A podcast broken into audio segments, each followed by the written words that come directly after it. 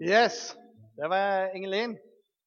Ble frelst i fjor. Kom på ett møte, møtte Jesus. Nå går hun på bibelskole. Og jeg tror hun er her. Er du her i kveld?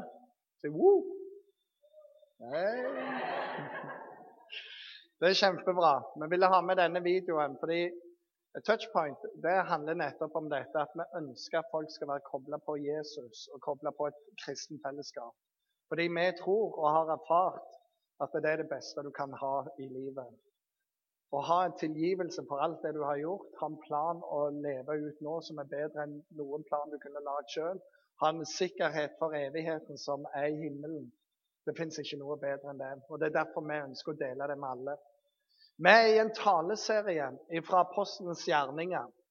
Og I dag så skal vi snakke om kapittel 10. Og Det er en mann med navn Kornelius det står at han var en offiser, men han var en veldig from mann. Han ga stadig eh, penger til de fattige som var rundt seg. Han var veldig godt likt, og han ba mye til Gud. Og så står det i teksten at Gud sier til ham, 'Jeg har sett alt det gode du gjør.' Så det er et poeng i å gjøre gode ting mot folk. Og jeg har hørt dine bønner. Så det er et poeng i å be. Gud hører bønner, og Gud ser når vi gjør gode ting mot andre bare fordi vi bryr oss. Og så, og så sier Gud jeg har sett alt det, og nå skal jeg svare deg. Og Det som er veldig rart, det er at han sender av gårde noen menn fordi han har fått for seg at må, må få, vi må få tak i en mann som heter Peter, og få han til å komme her. Så mens de er underveis, og det tar en stund å gå, så sitter Peter og ber. Når han ber, så ser han noe veldig rart. Han ser en duk bare komme ned fra himmelen. Bare dale ned. Ikke spøkelse, men duk. han ligner veldig mye. Og så bare daler det ned. Og oppå den duken der så er det all slags dyr. Og det er slakta, det er tilberedt, det lukter utrolig godt. Og så hører han en stemme som sier, 'Peter, nå må du spise ifra den duken der.' Og Peter ser med en gang at der er det dyr som han ikke har lov å spise. Peter er jøde. Og Det er et par begrep som du trenger å få med deg. Det ene er at i Mosebøkene, sånn ca. rundt tredje Mosebok, bøk, bok, der står det ganske mye om hva som var rene dyr, hva som var ureine dyr. Og Det som jøder har lov å spise, det kalles for kosher. Men så var det en hel haug som ikke er lov å spise, bl.a. gris. Og det kalles for treif. Det betyr ødelagt, urein, skitten. Og du må ikke røre det. Og For jøder så er dette en stor deal. Fordi hvis du kommer til å spise dette her, så vanærer du Gud. Som en god jøde så skal du ikke. Du skal kun spise kosher ikke tre. Så Peter, når han ser alt dette, så ser han masse som er rent, og så ser han masse som er ureint. Og så sier han, Gud, jeg rører ikke det. Jeg er en god mann. Jeg er en god kristen. Jeg rører ingenting. Kom igjen! Jeg er en gudsmann. Og så sier jeg, men du må spise. No, no, no, no, no, no. Du lurer ikke meg. Dette er en sånn åndelig test. Så kommer det bare fra himmelen. Det jeg sier, er rent. Det er rent. Og så forstår han ikke hva det er. Og denne duken den bare opp i himmelen, og så blir han borte. Jeg tenker, Hva er dette for noe? Og Mens han sitter og undrer på hva dette synet betyr, så kommer disse mennene på døra og banker på. Og Så får han en stemme som uh, sier du må følge de mennene her. Så han går ned og sier her er jeg, hva vil dere? Nei, Cornelius har sagt du må komme. OK, jeg, jeg gjør meg klar. Jeg kommer med en gang. Og så kommer han opp til dem. Og så kneler Kornelius foran seg og du må ikke knele på meg, jeg er menneske. Å ja, men Gud sa at du skulle komme. Ja, men jeg er vanlig menneske. Ok, Fortell oss hva du har å fortelle. Og så forteller Peter hele den kristne historien om at Jesus er Guds sønn. At han kom, sånn som vi sang her i sted. Han kom for å dø for oss, for at vi skulle gå fri. Og mens han taler, og disse folkene her det er det de kaller hedninger. De var ikke jøder. De var treif. Det var ikke bra for en jøde å omgås. Jøder skal omgås jøder. Det er kosher, det er hellig, det er bra. men ikke disse her folka. Ureine. Og Der sitter han og beretter evangeliet om Jesus. Og mens han beretter om Jesus, så blir Peter bare sånn Wow! For det han ser, det er at Den hellige ånd kommer inn i rommet og berører alle som sitter der. Og Et av de tegnene er at de begynner å snakke i tunge. Du bare sier Wow, her gjør Gud noe. Og så bare detter det ut av ham. De har jo fått Den hellige ånd. Kan vi hindre dem i vannet? altså Kan vi hindre dem i å bli døpt? De er jo kristne, forstår ingenting. Så husker han synet. Det jeg har sagt er reint, det skal ikke du kalle ureint. Og det er bare en helt ny måte å tenke på. Jesus har egentlig sagt før at all mat er ren. Betyr ingenting. For Jesus sa Hør her, folkens, det er ikke det du stapper inn i munnen av mat som gjør deg urein. For maten det går ned i magen, og så går det ut igjen. Men det er det som kommer ut, altså ordene dine, som kan være ureine. Så du kan egentlig spise hva du vil. Så er du en kristen, slapp av. Vi har ikke disse her tingene. Du kan spise hva du vil. Ok? Og det er faktisk verdt et armen òg, men det er nå sånn.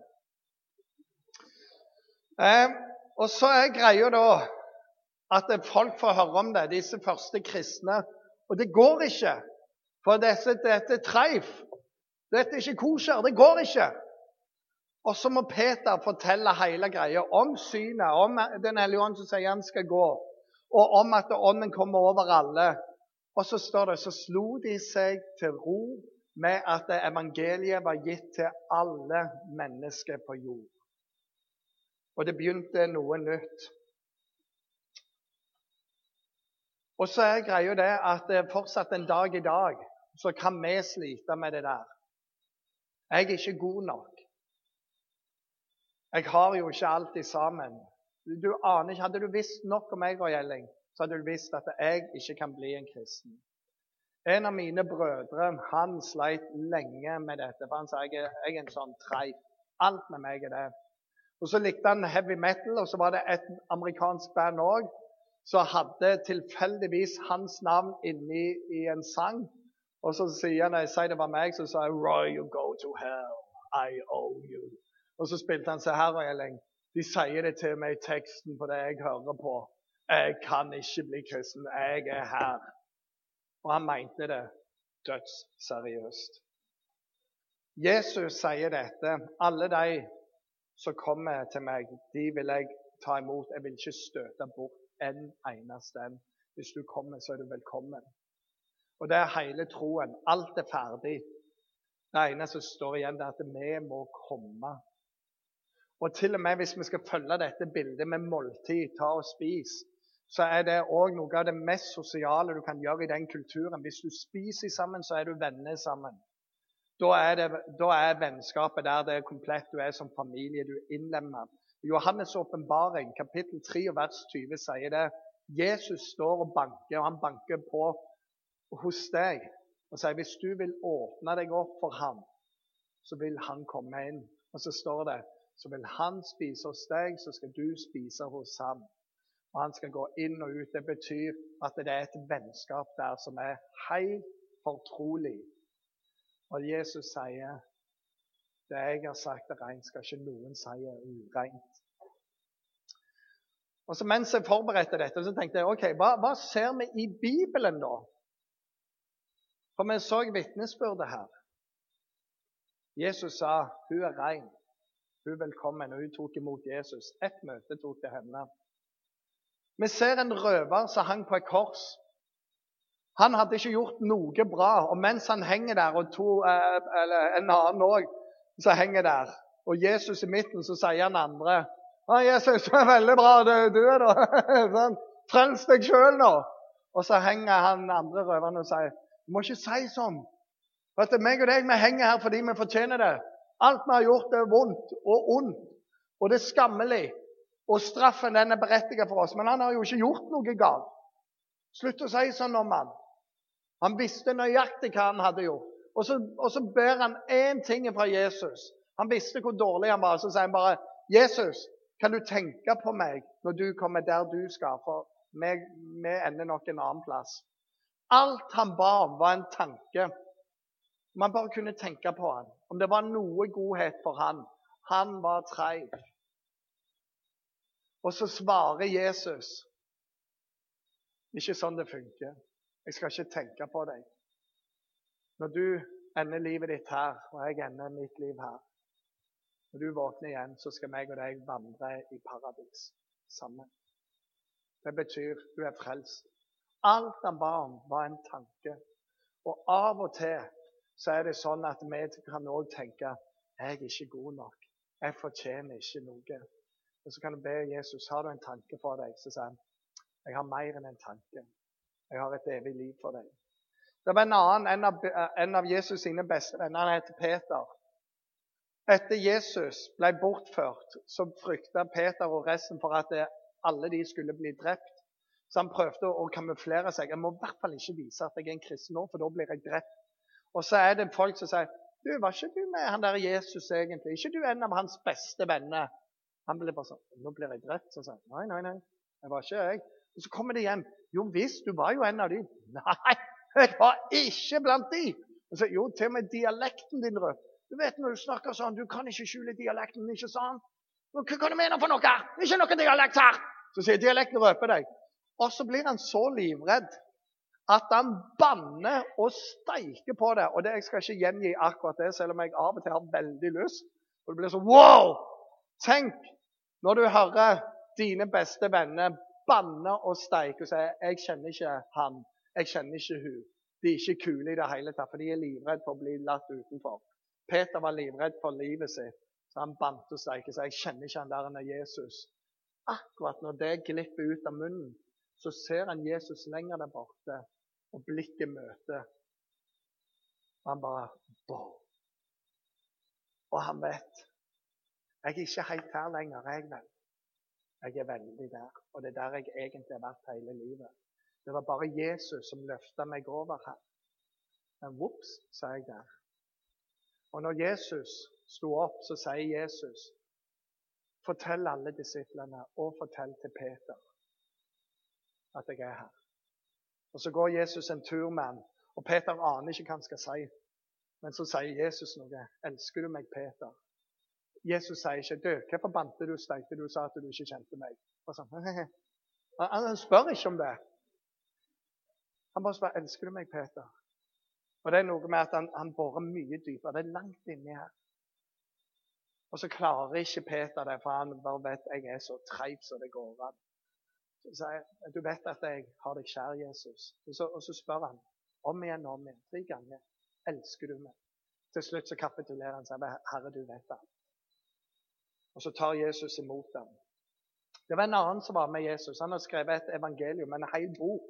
Han heter tolleren Matteus. Og Hva var det med tollere? Jeg har sagt det mange ganger på touchpoint. Men det står om, om de som var liksom virkelig, virkelig på denne sida her, at det var tollere og syndere. Sant?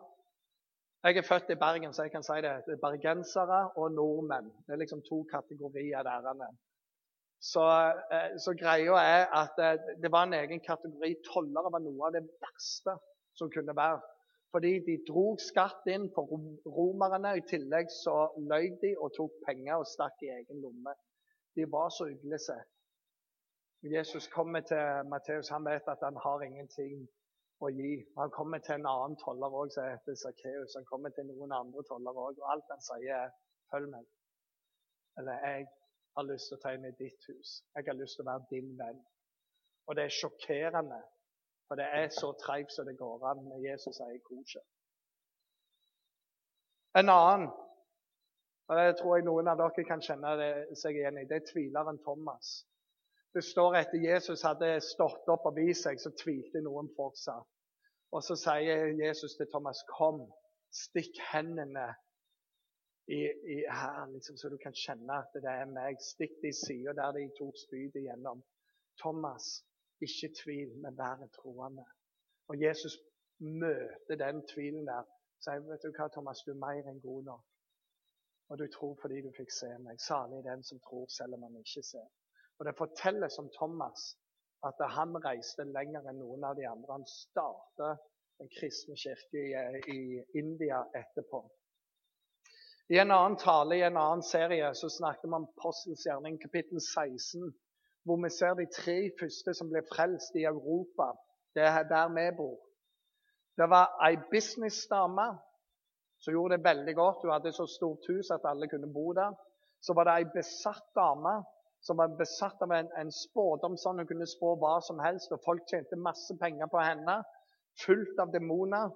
Og den tredje det var en fengselsvokter. Det er de første som blir frelst i Europa. Og Det er en vanvittig historie om hvordan bare evangeliet gikk fram. Og igjen de var aldri gode nok. Jesus forteller en lignelse om hvordan vi kan rote oss bort. Det, det kalles lignelsen om den bortkomne sønn. En som hadde alt. Det vil si, han var hos Gud. Han hadde alt hos Gud. Og til slutt så sier han Gud, jeg skulle ønske du var død. Jeg ønsker ikke å tro på deg lenger. Bare gi meg det jeg skal få. Og så reiser jeg og, og lever det livet jeg vil. En menighet som vi liker å besøke, og vi skal være noen som reiser bort der om tre uker, heter Eaglebrook Church. De har lagd en film som vi skal få se nå. Og Den handler om den bortkomne sønn. Bare at de har tenkt Hva om det var ei jente? Og hva om denne historien ikke var 2000 år siden, men hva om den var nå? Hvordan ville det sett ut? Og her får du se den.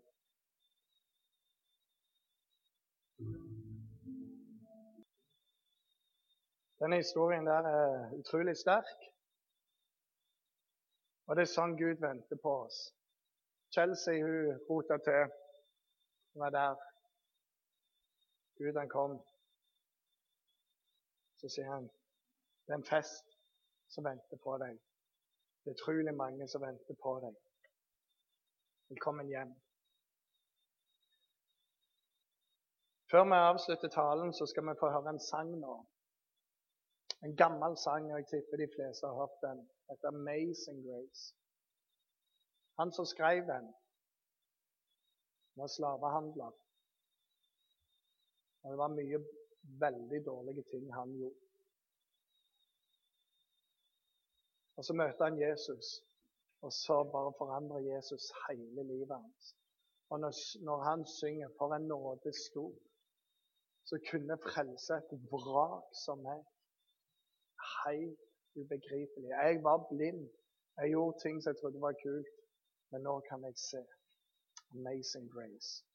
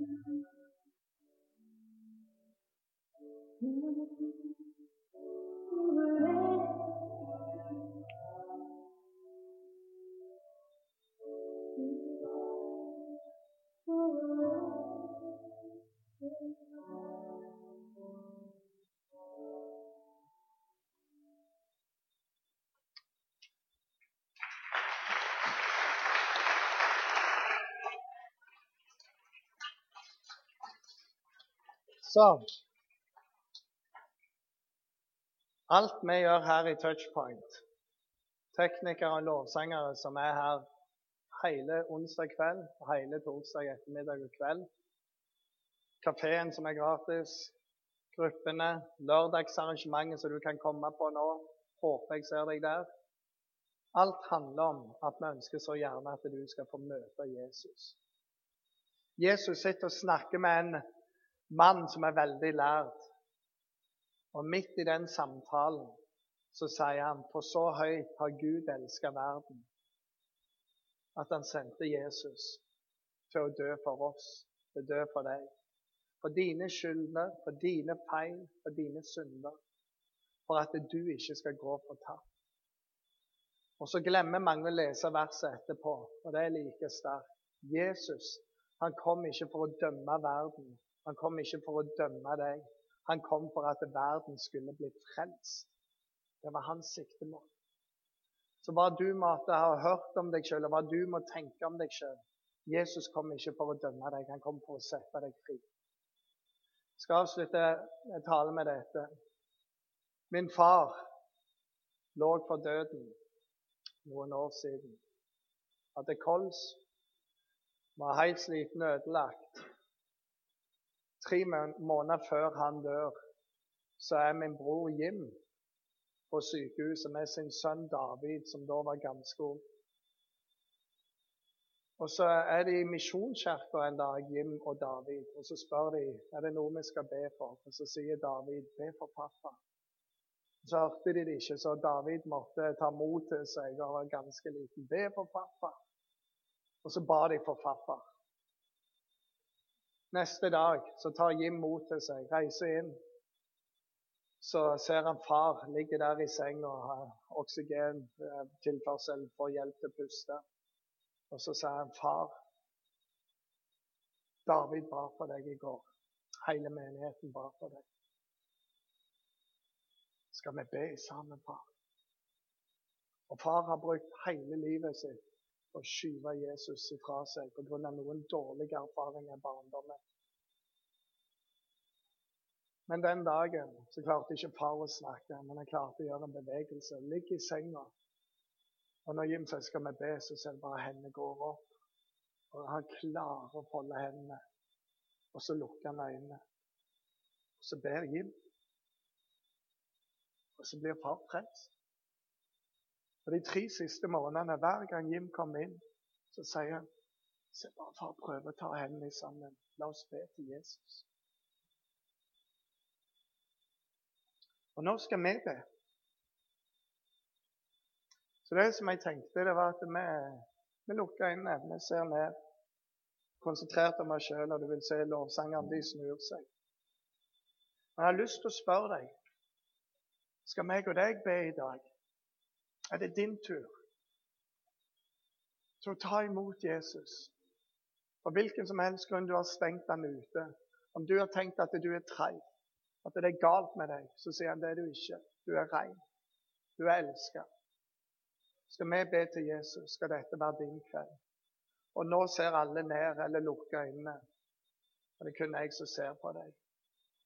Og så stiller jeg deg dette spørsmålet.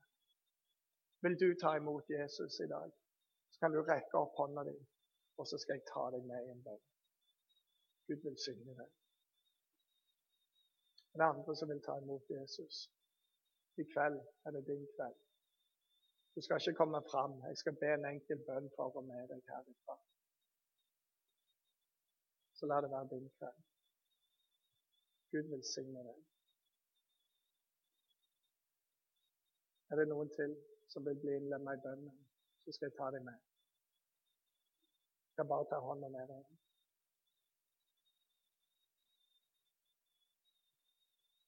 Skal jeg få lov å be med deg?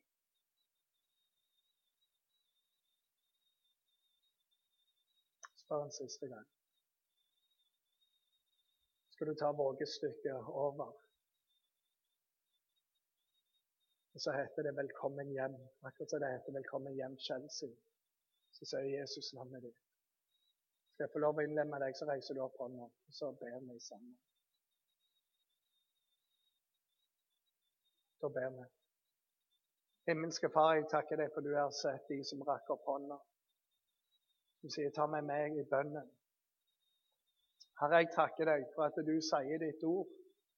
At du vil ikke støte noen bort av de som kommer til deg. Nå kommer vi til deg. Jeg sier, Herre, jeg Herre. Jeg tar imot deg, Jesus, som frelser som Herre. Takk at jeg nå er på vei til himmelen. I Jesu navn. Amen. Amen.